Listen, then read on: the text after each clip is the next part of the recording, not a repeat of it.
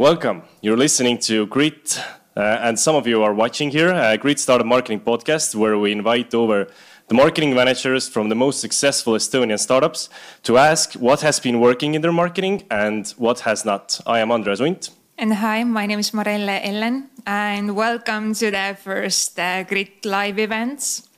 Today, we'll dive into the story of uh, Fortumo. Uh, it's a Tartu based startup uh, with quite an impressive customer list, I would say, uh, including uh, Google, Amazon, Spotify, many others. And eventually in 2020, Fortumo was acquired by Boku. So we also have an exit story here. So I'm very happy to have uh, Mattias Liivak with us, the previous head of marketing and PR at Fortumo for nine years and now uh, VP of Growth Enablement at Boku. So welcome to Grit Podcast. Hi, thanks for inviting me and having me on. Uh, might just give us a brief overview uh, on the story of Fortumo. What did it do, and uh, what happened then? Yeah, sure. So Fortumo was founded in 2007, uh, and our goal was to uh, provide new global paying users to digital content uh, merchants. And we did that through mobile payments, more specifically carrier billing, which is when you charge uh, purchases to your uh, mobile phone bill. And our kind of pitch to merchants was that 80% of the people in the world don't have a credit card, while basically everybody has a mobile device in their pocket. So, how do you actually monetize those 80% of people who can't pay by credit card. So you do it by carrier billing. And it, the pitch worked quite well. So over the years, we managed to uh, uh, kind of our big first hit uh, customer was Rovio, Angry Birds. Uh, and following that came Google with Google Play, Spotify, uh, Amazon, Tencent, uh, Epic Games. So basically, most of the well-known names in app stores, uh, music and video streaming, uh, gaming, which is like the majority part of uh, digital entertainment. I joined Fortumo in 2013, so six years after its founding, and from 2013 to 2020 pretty much led all the marketing activities and PR activities that we did uh, uh, alone with from, from time to time having like one additional person on the team. And yeah, in 2020, uh, Fortumo was acquired by a company called Boku, who fundamentally does the exact, exact same thing that we used to do at Fortumo, which is uh, carrier billing. The deal was, I think, around $45 million. And for the first one and a half years, Fortumo operated independently as a standalone company within the Boku Group. And now, in the beginning of this year, uh, we kind of consolidated into one structure. So we're kind of phasing out the Fortumo name and uh, are operating as one big Boku Group. I kind of got a little bit tired of doing marketing stuff, so I switched roles as well. So I'm now more looking after the sales team and how the kind of how can we we can make the bigger organization work better together and how sales team can get what it needs from other organizations within the uh, within the company. So that's kind of a brief introduction. Nice. Uh, so mobile payments and carrier billing, uh, like what was your uh, target audience in terms of a client profile? Who were the contact persons in the company who like uh, ordered your service? Like who were you targeting exactly? Mm. So basically, Fortumo's pitch was that carrier billing is super difficult to do on your own uh, because there's like 1,500 telcos across the world. Uh, and Fortumo aggregated all of those carrier billing or telco connections across the world. So in total, we had about 300 uh, telcos from 80 markets on our platform. And our kind of unique pitch was that it's uh, a self-service platform. So uh, anybody, whether you're running your own blog or mm. uh, back in the kind of the beginning, running like a paid chat or or whatever the services were, kind of more simpler value-added services that you could could actually go and set up those services on um, uh, on your own. What were the like the job titles of the people that? I think initially, kind of, we did start uh, target literally individuals, uh, somebody who was building like a WordPress site, uh, super small startups, but the, the, kind of the profile changed over the uh, changed over the years. So initially it was for like small companies, uh, mostly yeah, like people with uh, teams with five to ten people. Uh, as we grew and grew, and the companies also grew bigger that we were targeting, then we kind of had a more distinct customer profile. So mostly for payments, decisions in the organization are either done in the business development team. There can be like a dedicated payments team that actually works with payments. There can be like partnerships and international expansion team, sometimes also product team or, or finance team. Mm. So one of the big challenges is that payments is in most companies something that uh, there is either a dedicated kind of smaller function within the organization who does it, in which case it's rather easy and you know who to target. But in a lot of cases, it's really not the responsibility of anybody. So it's kind of a product stuff because you need to integrate the pro, uh, like a new uh, solution to your uh, to your service. It's kind of like a finance stuff because you're moving money around. It's kind of business development because you're figuring out how to develop your business. Uh, it's partially under kind of all of those uh, profiles. So I would say that with every company also today that we go after, the customer profile is uh, very, very different. It depends on the size of the company and that specific company structure, but mostly it's somebody on the uh, business development side of the organization. So, okay. uh, so yeah, kind of technology people, for example, aren't that relevant for us because the buying decision is made on the business side of the organization in, in most cases. Mm-hmm. Mm. And moving on to marketing topics, then how would you describe like the main pillars you had in marketing uh, in Fortumo? Yeah, so when I initially joined, then uh, I, I, have a background in public relations and communication, which is why I guess uh, Martin Koppel, the CEO, also hired me at that point because Fortumo was this this was back in 2013. I think a lot of the unicorn companies that we have today don't didn't even exist at that point, and Estonia wasn't like this amazing uh, innovation, uh, you know, most unicorns per capita country. It was rather that we were some random Eastern Europeans doing a startup, and uh, we had also competition, for example, who was based in London or uh, or San Francisco, including our now new owners, Boku, uh, who were either public companies or funded by very reputable uh, uh, VCs. So why would any kind of bigger Western company um, be interested in working with some uh, Eastern Europeans? So kind of my initial goal and the very first focus uh, that we had was on uh, specifically communications and public relations. So getting our name out to TechCrunch and and uh, VentureBeat and and the Next Web. So that was kind of the first, I would say, one or two years. And after that, for most of the time, through kind of trial and error, we came to the realization that content marketing is something that works for us uh, for us the uh, the best. So kind of if you think about organizations on a line where you have on one hand the customer acquisition cost which is very low and on the other end of the line you have customer acquisition cost that is very high then inherently the activities that make most sense for your organization also go along that line. So if uh, you can uh, kind of yeah, your customer lifetime value is very low and acquisition cost is, uh, then acquisition cost should also be low, which means that you can basically use only free channels, so word of mouth or hoping to go viral or, or stuff like that. If your lifetime value is a bit higher, customer acquisition cost is also a bit higher, so it makes sense that you, for example, focus on uh, search uh, engine advertising or, paid marketing. Uh, and on the other end of the spectrum, you have then very high lifetime value customers, and in order to acquire those customers, they don't just walk in the door and start using your service. So marketing is more in a supportive function.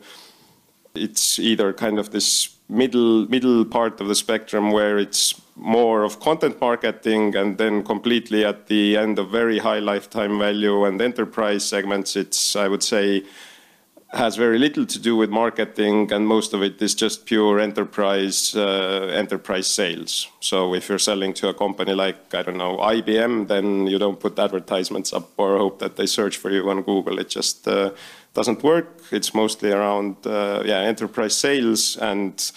What marketing can do in those instances is support with the brand awareness, which is then you just do kind of branding, public relations, communication, and I think Fortumo kind of sat a little bit below that enterprise, but still we were going after rather the higher lifetime value customers with whom the selling sales cycle is rather long. So uh, we came about to content marketing basically, which which was the strategy that we used throughout the years, and now also as part of Boku, which uh, is kind of central part of what we do in uh, in marketing you have a background in public relations, and uh, it's not like very common uh, among marketers. Like, do you do you see that uh, it would have been much harder for you to get started in Fortumo and doing the marketing and PR there if you didn't have that public relations background?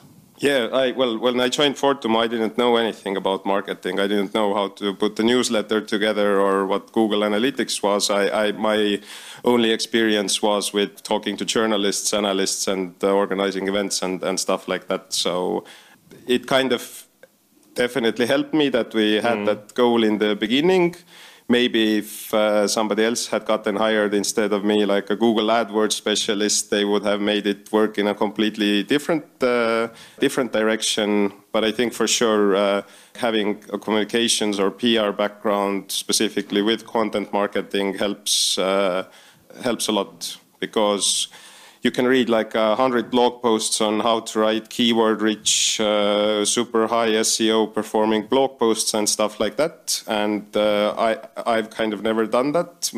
My approach has rather been that I try to write as simply as possible for the audience that that's kind of in the back of my my mind. So if it's like a keyword laden, super SEO optimized article, then whenever like marketing content itself is a perfect example of this. If you go to any kind of uh, marketing specific blog, then you see that it's like this super nicely formatted blog post, which is like uh, exact right keywords in the right place. You have like these uh, uh, pop-ups and stuff that are infused in there. So I, I always like close those articles and almost never read them to the end. So knowing how to write to the media and kind of bringing that knowledge or or that skill set, whether it's your own blog or sales assets or, or some kind of white paper stuff like that, then that for sure uh, helps because there's an actual person on the other side who is reading your content. It's uh, Google's algorithm is also looking at it, but that's not the person who is making the or that robot isn't making the buying decision. So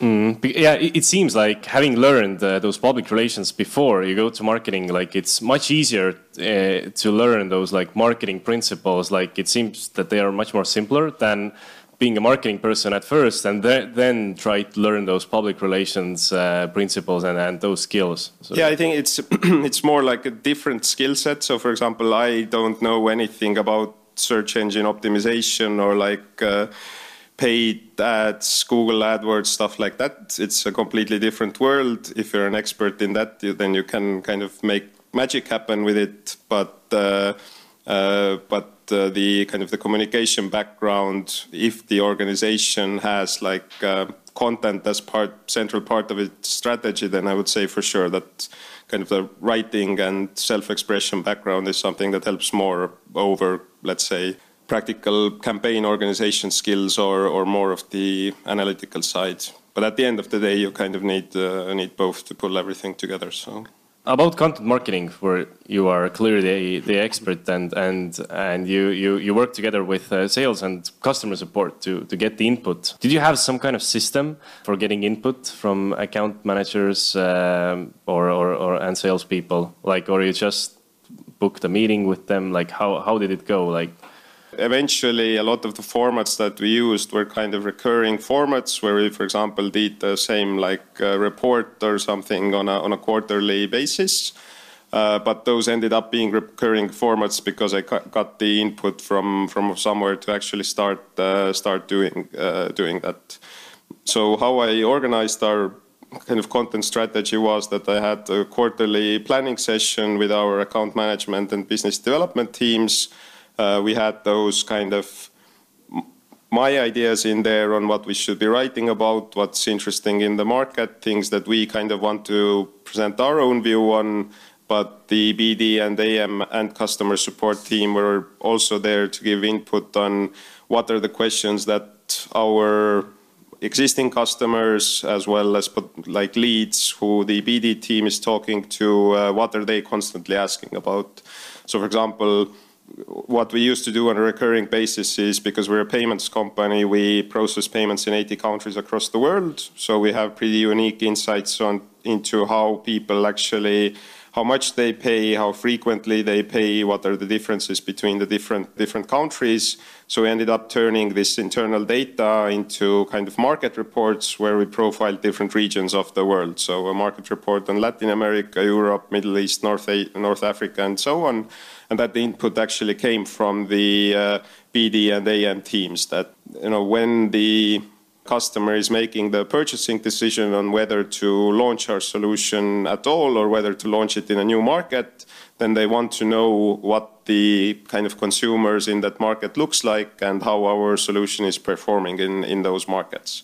So initially it was just kind of data that we put together internally in spreadsheets for account management to share directly with the merchants, but uh, then we kind of came to the conclusion that you know, this is something that gets asked a lot also in, uh, in sales calls. So let's prepare nicer reports for the sales team.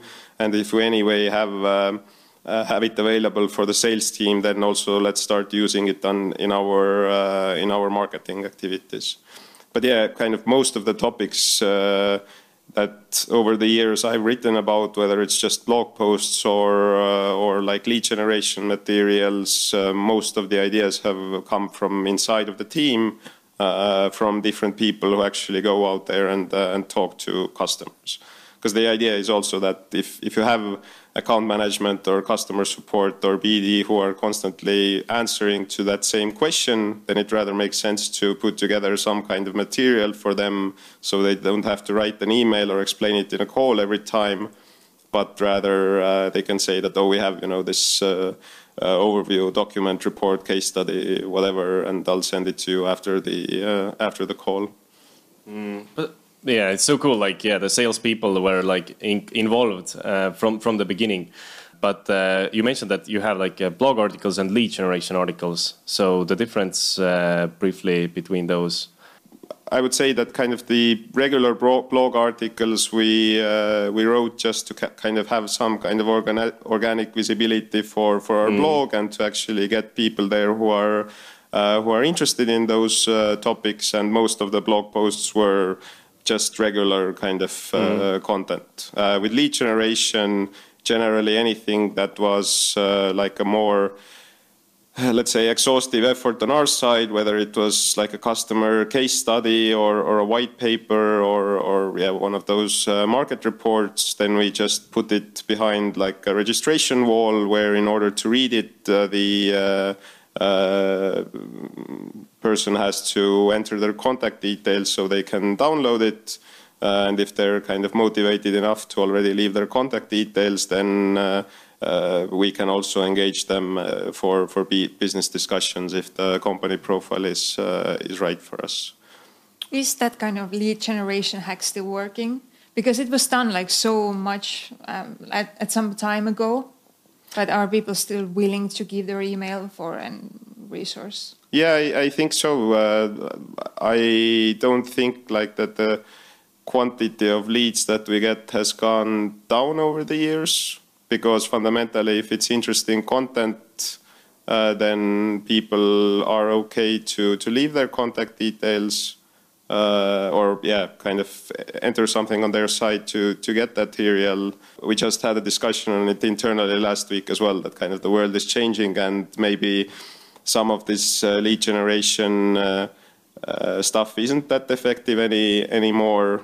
But I guess that's also that there are now different tools and approaches that you can use that maybe allow you to take that kind of the registration wall away. So when I started out in Fortumo, then like retargeting, for example, was something that was super, super early. There were companies just starting out kind of doing that retargeting stuff for, uh, or like having, you know, knowing which companies visit your website to, to kind of follow up with them. Then at that point, there really wasn't much of those tools available and kind of the simple registration form was, was the only way you could identify who the people actually were who, uh, uh, who were downloading your, your content. But I would say that kind of to, to summarize, then I, think it still works. It's mostly a question of uh, what's the quality of the content that you are uh, producing. But like where uh, you mentioned that there are new things that uh, like new technologies or new new systems that you don't need that uh, uh traditional registration form. What do you actually mean by that? So I mean, for example, uh, like uh, a bunch of account-based marketing tools where you can identify on a company level who the people are, who are, or not the people, but who are the organizations who are visiting your uh, your website. So you can kind of indirectly infer that okay, this company visited our website, so I either add them to some kind of an advertising list, or I directly add, uh, hand them over to the uh, to the sales team so that they could prospect and uh, and outreach. Mm-hmm. But fundamentally, the strongest signal that you can get from a customer if they is if they reach out to you directly and kind of saying that yes i want to read what you have put behind this registration form is kind of the strongest soft indication of interest that uh, that you can get and anything else is already weaker so just mm-hmm. because somebody visited your website doesn't mean that they're uh, like interested in uh, hearing uh, hearing from you or seeing your ads. At Fortumo, you, you published many uh, cool analysis uh, about about different uh, kind of like creative uh, creative topics. I remember one article was about the Big Mac index. So uh, what what was going on there? The idea, if, if you don't want know what the Big Mac index is, is that I think it's the economist who basically keeps the Big Mac index, which is the idea that the Big Mac doesn't cost uh, the same amount of dollars everywhere globally. So it may cost like uh, $5 in the United States, $3 in Estonia, maybe uh, $1 in Egypt, for example. So we took like this general idea of, of the concept of this price disparity and we translate, kind of used it to drive home the, uh, the point about our, our own business, which is also that uh, very often when uh, digital content merchants or anybody who is selling anything online goes to a global market, then generally they have like one price for the service and uh, that's, uh, that's it. So whether you're in the US or Estonia or Egypt, your streaming service costs $9 uh, everywhere, which doesn't make sense because the average Estonian or average, average Egyptian doesn't make as much money as a American does. So if you are able to localize your prices, which is even possible with hamburgers, then it's for sure possible also with digital content. That was kind of the message that we were trying to drive drive home by kind of creating this uh, analogy. And we, we tried to use quite a lot of these kind of uh, external sources, uh, analogies from other uh, other industries, just to make it kind of more more interesting to read the content. Because fundamentally, payments is probably the least boring, or not least boring, but the most boring business in the world because the merchant or our customer doesn't interact with us at all. Basically, they have the system up and running, so they only think about us usually when things go uh, things go uh, wrong. Uh, or something uh, something breaks. So kind of using these more mainstream uh, analogies, examples uh, helps kind of make even the kind of the boring topics more uh, more interesting to uh, to readers. Perfect, cool. Uh, what what were some other uh, cool analysis that you yeah you, you did? I remember one example of like everybody wants content that uh, that should go uh, viral. and I think there's no formula for it, but for example, one one of our content pieces that went really, in our context, viral was an infographic about Windows Phone, who doesn't know Windows Phone, then back in 2013, 2014, Microsoft came out with their own smartphone. It was uh, supposed to be super popular and uh, take over the world. That didn't really happen. Uh, I don't think they produce them anymore, but fundamentally, we also built a business uh, or, or, product to uh, allow Windows Phone developers to collect payments on those uh, devices. So at that point, our focus was those Windows Phone developers, and what we did was put together an infographic on countries where the Windows Phone is uh, outselling iPhone globally, which surprisingly there were countries that actually uh, that happened in.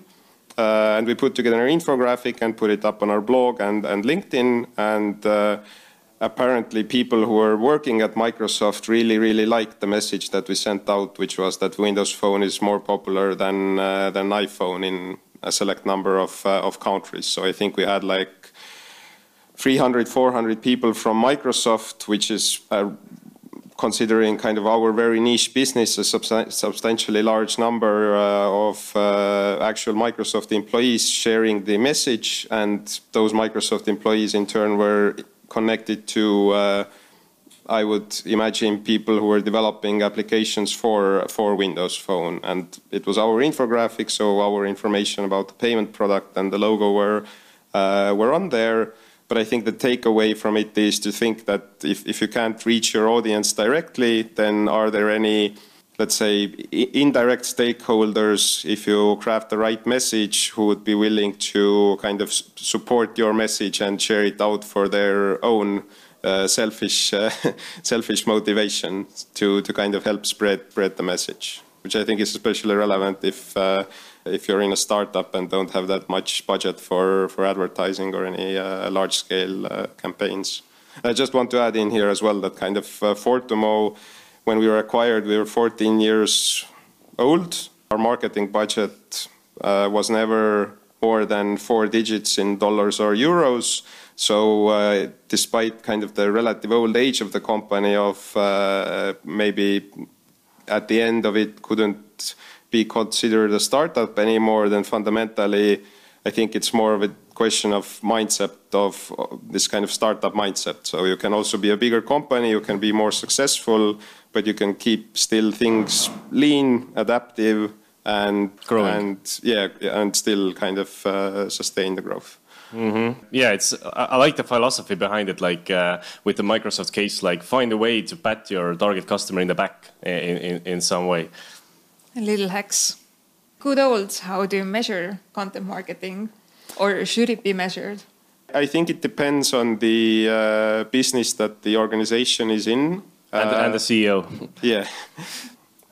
I would say that the, the more you are focused towards consumers and the shorter kind of the acquisition cycle of the uh, customer, the easier it is to measure because you have a direct kind of contact between the target audience, the content, and then whatever it is that they are going to start doing next. So you can easily kind of track from, you know, content download, nurture campaign, they come and sign up, they either go into a trial or or churn out, stuff like that. So the shorter, let's say, the acquisition cycle, the easier it is to measure. Uh, unfortunately, for a company like ours, payments, and especially if you're targeting bigger companies, it's uh, very difficult to measure because I would say like the average sales cycle uh, for us was maybe six months. In the bigger cases of like uh, companies like Spotify or, or, Google or Amazon, the sales cycle can be two years.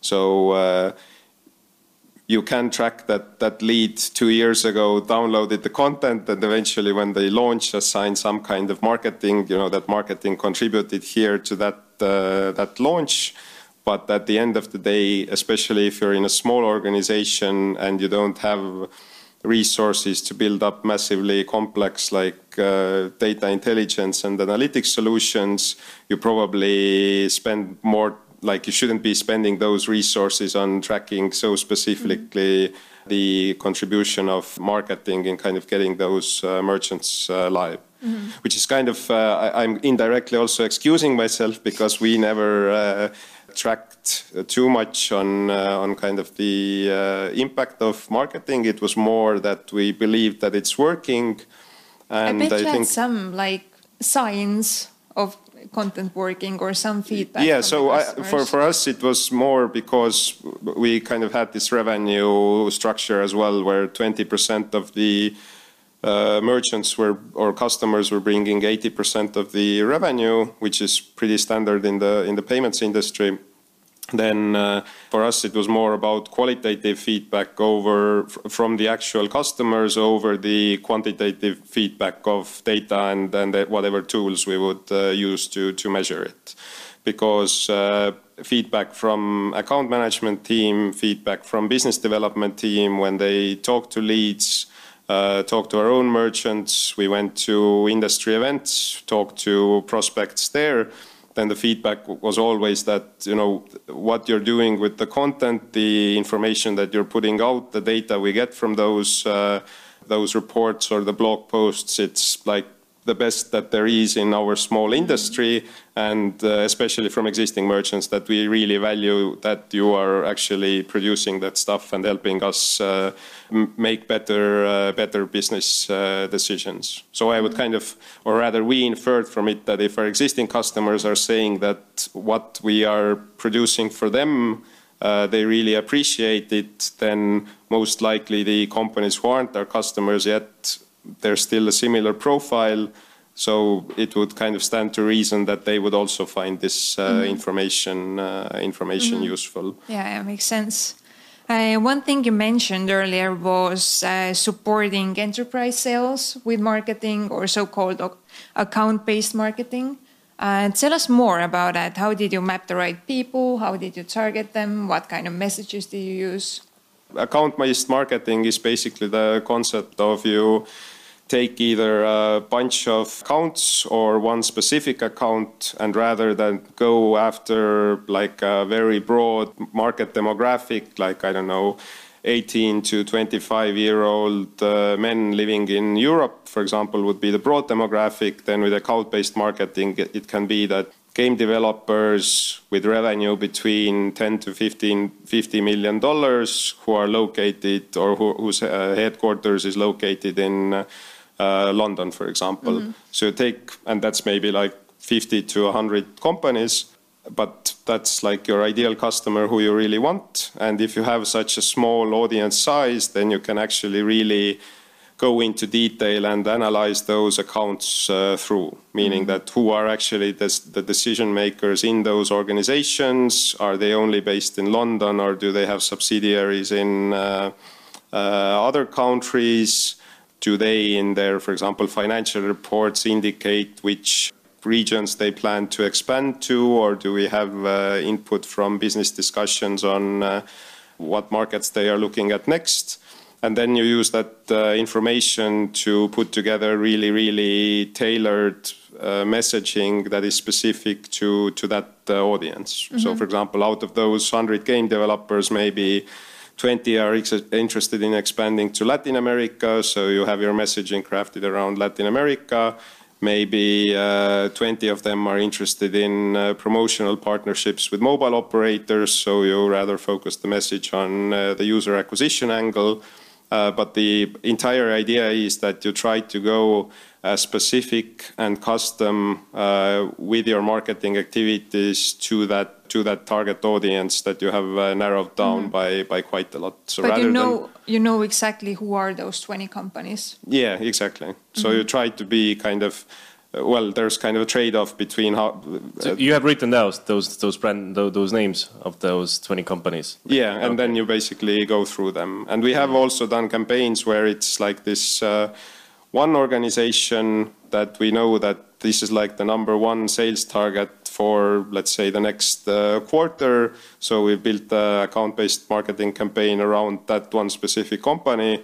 What, for example, in that case I did was also to read through like last couple of years uh, annual reports because it's a public company, so you can get insights on uh, what they indicate publicly their strategy to be and also a lot of news about their expansion plans and where they plan to like go in the in the next regions and what actually matters to them from the perspective of a payments provider stuff like that. So we did that analysis for one company. We put together a, a landing page that was the- themed in kind of their colors more or less uh, crafted it with the exact same messaging that, uh, or rather, very specific messaging that was tailored to this specific company. Ran the kind of ad campaign, which was on LinkedIn, targeting them with kind of the same messaging, which kind of kind of worked because they noticed us. Uh, they're today our customer as well.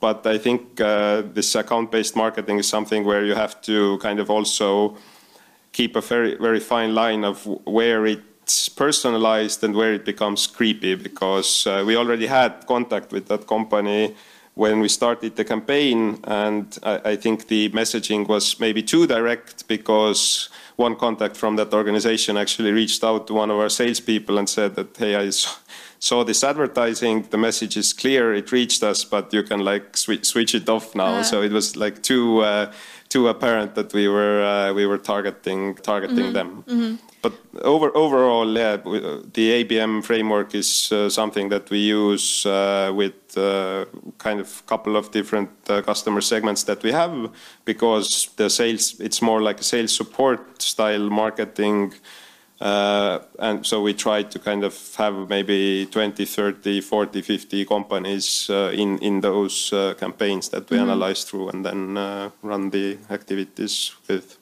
So with that one, uh, one company, so you won them over?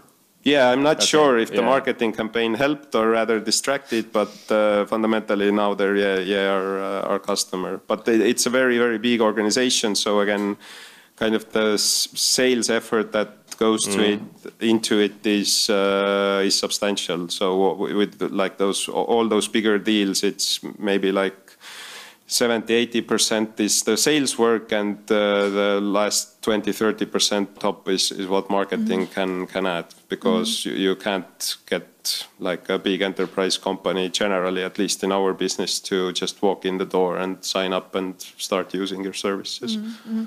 But the way back to the case study how exactly did you do the targeting? You had those 20 companies. Then I assume that you mapped the people who mm. should see the ads. Uh, well, or, or, I understand you chose one company out of those. 20. Yeah, we well for for that one company campaign and the ones we run in general, the primary uh, channel that we use is LinkedIn because I haven't found a better uh, kind of ad advertising or marketing channel that would allow to target companies as specifically as, as we want to. So there's a bunch of different ABM platforms uh, out there that kind of claim to be able to target that as accurately, but with kind of a little bit of testing, I'm, I'm not sure if what they claim is true. So the primary channel that and again, our ad budget is rather small, or rather for Fortumo, it was like four digits. So uh, for us, the most efficient channel to do advertising in was LinkedIn because you can target by company name, you can target by uh, like the roles in that organization. So whether it's somebody in BD or payments or engineering or whatever you need to target. And yeah, kind of having the uh, ability to target by company is what, what's most valuable on, uh, on LinkedIn if you're a B2B startup. So. Mm -hmm. About uh, how specific it was, can you like explain a little bit about what was what is the message usually on regularly, and like when you target that one company, to understand like how different it was. Mm -hmm. So the general message was usually that you know 80% of people don't have a credit card. Uh, everybody has a mobile device, so we help you reach those 80% of, uh, of, kind of underbanked or unbanked uh, users. But if you already know, for example, that the, let's say a game developer is their primary audience is in uh, Asia, and you know already the countries that their most of their user base is located in, then you can already refine down that it's not 80% of people don't have a credit card, but it's uh, in Indonesia 85% of people don't have a credit card, and uh, we help this, that, and third company in Indonesia uh, collect payments through carrier billing with telcos X, Y, and uh, X, Y, and Z. So they probably know more about the Indonesian market if they have a substantial user base there, and uh, we can kind of present more detailed information about that specific specific market. So, but this is kind of our product and the kind of the payments industry where it's kind of this specific country focus and where where you want new user, new paying users from. If it's some other product, then it's just some other uh, angle of uh, customization. Mm. And the call to action was then to get in touch touch with you or to direct them to some content or it's kind of a mix of both but generally i've seen that lead generation in the sense of like leave us your contact details and we'll have a salesperson reach out to you. That's like uh, no matter how nicely you put it then uh, it doesn't perform uh, too well. So our usual approach was to direct them to some kind of uh, marketing asset. So for example in case of this indonesia we would have like a asia market report that we would send them to download uh, and then through that uh, download they had our B, yeah yeah so yeah. Th then our kind of BD team would be able to uh, to reach uh, reach uh, out to them. Because then with that person you already know that it's like they've made a very like in the online context ra rather a big commitment. So they saw your advertisement they click through on it then they read through the blog post which explains why you have this thing under the registration form and then they ended up filling that registration form. So that's kind of as clear of an intent of uh, that uh, that you can uh, you can get. And because we had a lot of content available, then mostly, uh, almost always, we rather directed the audience to one of those content pieces mm -hmm. rather than just get in get in touch with us because it's also more more value for the uh, person even if they never end up replying they still have some additional reading about us if they actually read that uh, stuff through, then uh, we are more kind of locked into their mind mm -hmm. for the future as well, even if they decide that they don't want to talk with us right now. Uh, so, like to summarize this uh, this topic on how to target like one uh, one company, so you have to have some uh, case study that is specific to them that you can direct them to after the article. Then you need to have an article, something where, that is or a landing page specifically for them, mm. and then have an ad and then you're set to go? Or was there any any other material? Uh, well, you need to have a company that is big enough where yeah. it's worth uh, worth the effort. Because yeah, yeah. If, well, well if when you when you have the company. Yeah. So so in that case, I think that covers it. But there are also additional things that you can consider. For example. Uh, like sending any kind of physical materials to offices, whether it's just that same brochure uh, or report that you plan to get them to downloads and that in a physical format. Uh, any other offline activities, like for example, if you know that they're going to be exhibiting at the uh, at the conference or an event, kind of attending the same uh, same event. The the whole idea is that you kind of plan your marketing activities around what that organization is doing and saying rather than by going like an anonymous or general demographic of, of mm -hmm. uh, people.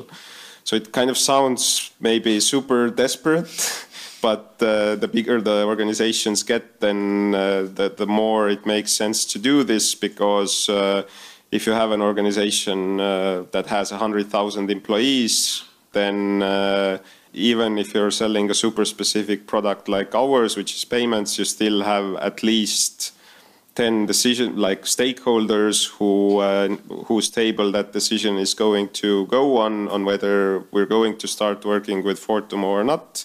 And in addition to those then stakeholders they themselves have teams of maybe 20 30 people. So overall you end up like with this batch of 500 to 1000 people inside of this 100,000 person organization uh, who you want to influence because they are going to be there when the actual decisions are being made or there's a meeting on uh, uh have you heard anything about this Fortumo company, what they do? So if somebody else already has in the back of their head at that meeting that, oh yeah, I've heard of them, yada, yada, yada, then uh, that's something that helps push the uh, sale forward, uh, forward as well. Mm -hmm. And when we had a talk before today, then you also mentioned some framework on deciding if you should go for like a wider audience or should you take that or do that investment and really invest all your resources to getting the big yeah so th- this is what i mentioned at the beginning. There's uh, th- so this isn't like my framework uh, it's a reforge it's a blog that talks about startup marketing. And they have a long series of blog posts on this but basically it's like this uh, what i mentioned of this line of where one one end you have like lifetime value which is super low and on the other end the lifetime value which is super high. So basically on one hand you have like individual consumers and then on the other end you have enterprise companies with hundreds of thousands of employees. And uh, where you assess uh, that your like most of your customers are going to be uh, on that line should determine what kind of marketing activities you do as well. Because if your target audience is going to be consumers with a super low lifetime value, then it doesn't make sense to run ABM and maybe it doesn't even make sense to do any kind of content.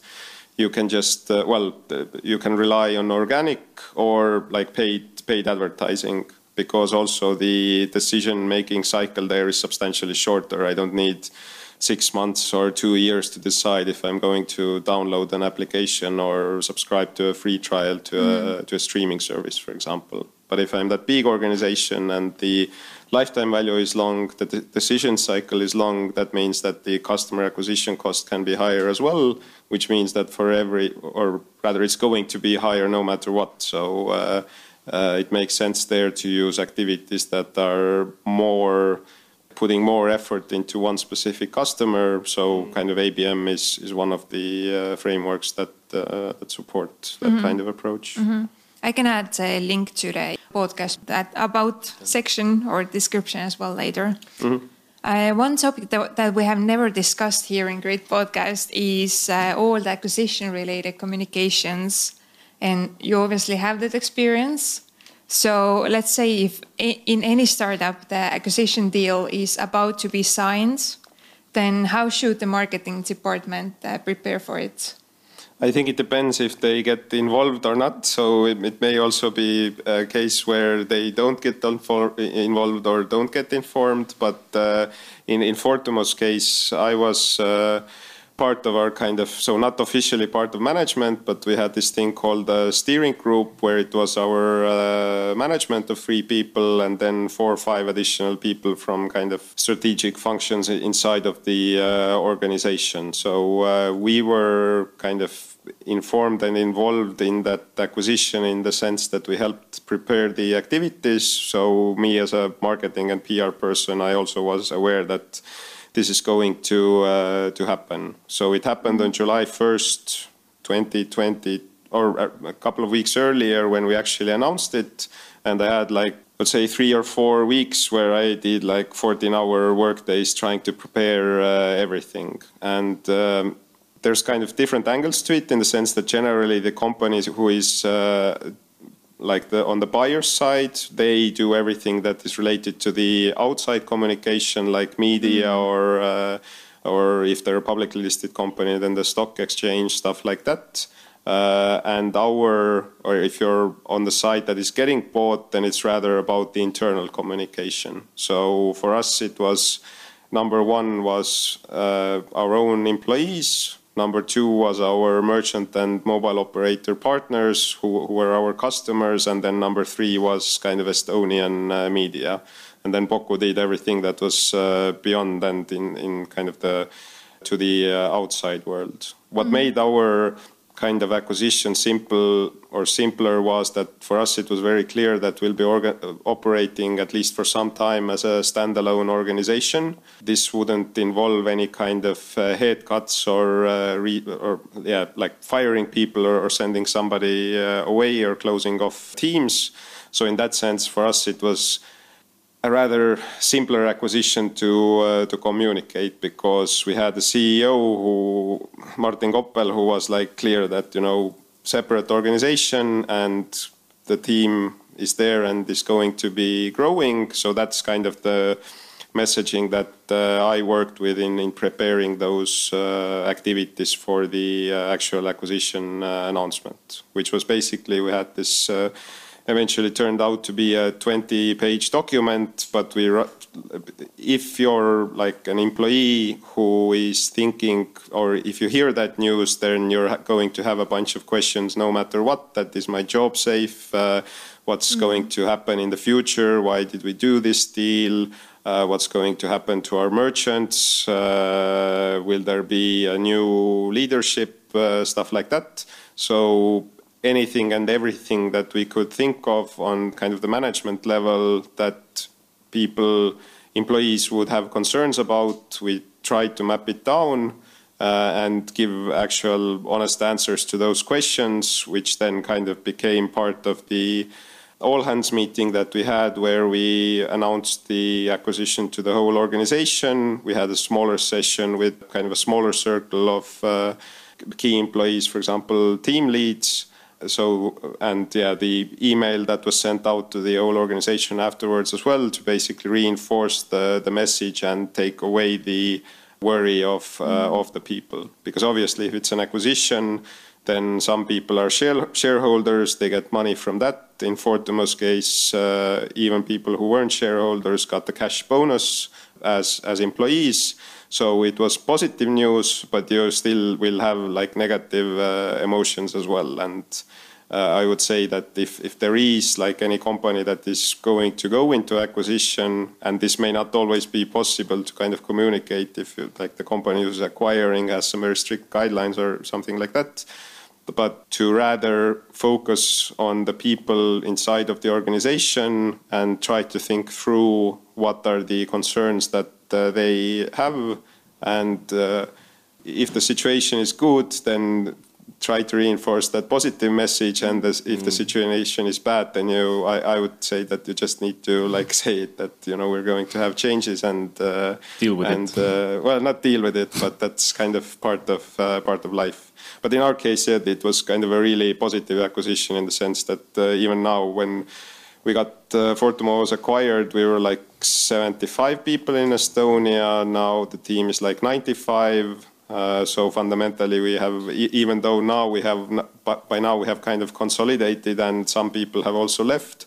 We have still, uh, it's kind of been true to the initial message that we had, which mm -hmm. was that the team will be here and uh, and grow. Great, great, nice. But yeah, so yeah, kind of as detailed of a plan as possible, overthink as much as possible, plan any everything out to the like the minute on the day that it's going to happen. Uh, employees first, then partners, and uh, then media if you if you want to do it, or if it's even possible to do it on the on the buying side. Because for us at that point it is also to send kind of a message that we will remain, we still exist, and uh, we're now part of a big, cool organization. So please still come and uh, work with us. We're looking mm -hmm. for uh, for new people. So. Mm -hmm. Okay, so uh, we don't have much time left, but we and we have two questions uh, now to go. Uh, so, so one of the before the last question. So quickly, in uh, what are your top three marketing tools that that you like to use, excluding the obvious ones? I try to think through it and maybe some of the more unique ones, uh, well, firstly, Upwork, mm -hmm. which is not like a tool, but it's a freelancer platform. Okay. But uh, any, if you're a startup, if you're limited on people and you don't have the expertise to do things yourself, then not having that expertise shouldn't uh, block you from uh, not doing things. Okay, okay. Upwork, Upwork, is work. Okay, Upwork, second. Second, I would say mention.com which is a relatively okay. cheap media monitoring solution. Okay, uh, nice. And third one? And third one, I would say Overloop, which is an email automation tool which can be used by both marketing and sales teams. So we use it, and it's like nice to have all the leads together uh, in there for any outreach purposes. Mm. Yeah, I really wish nice. we had more time with you. Our traditional last question uh, What would be your one recommendation on a marketing book or blog or podcast? I'm super bad in keeping myself up with the, the, marketing industry, so I basically don't read anything related to to marketing.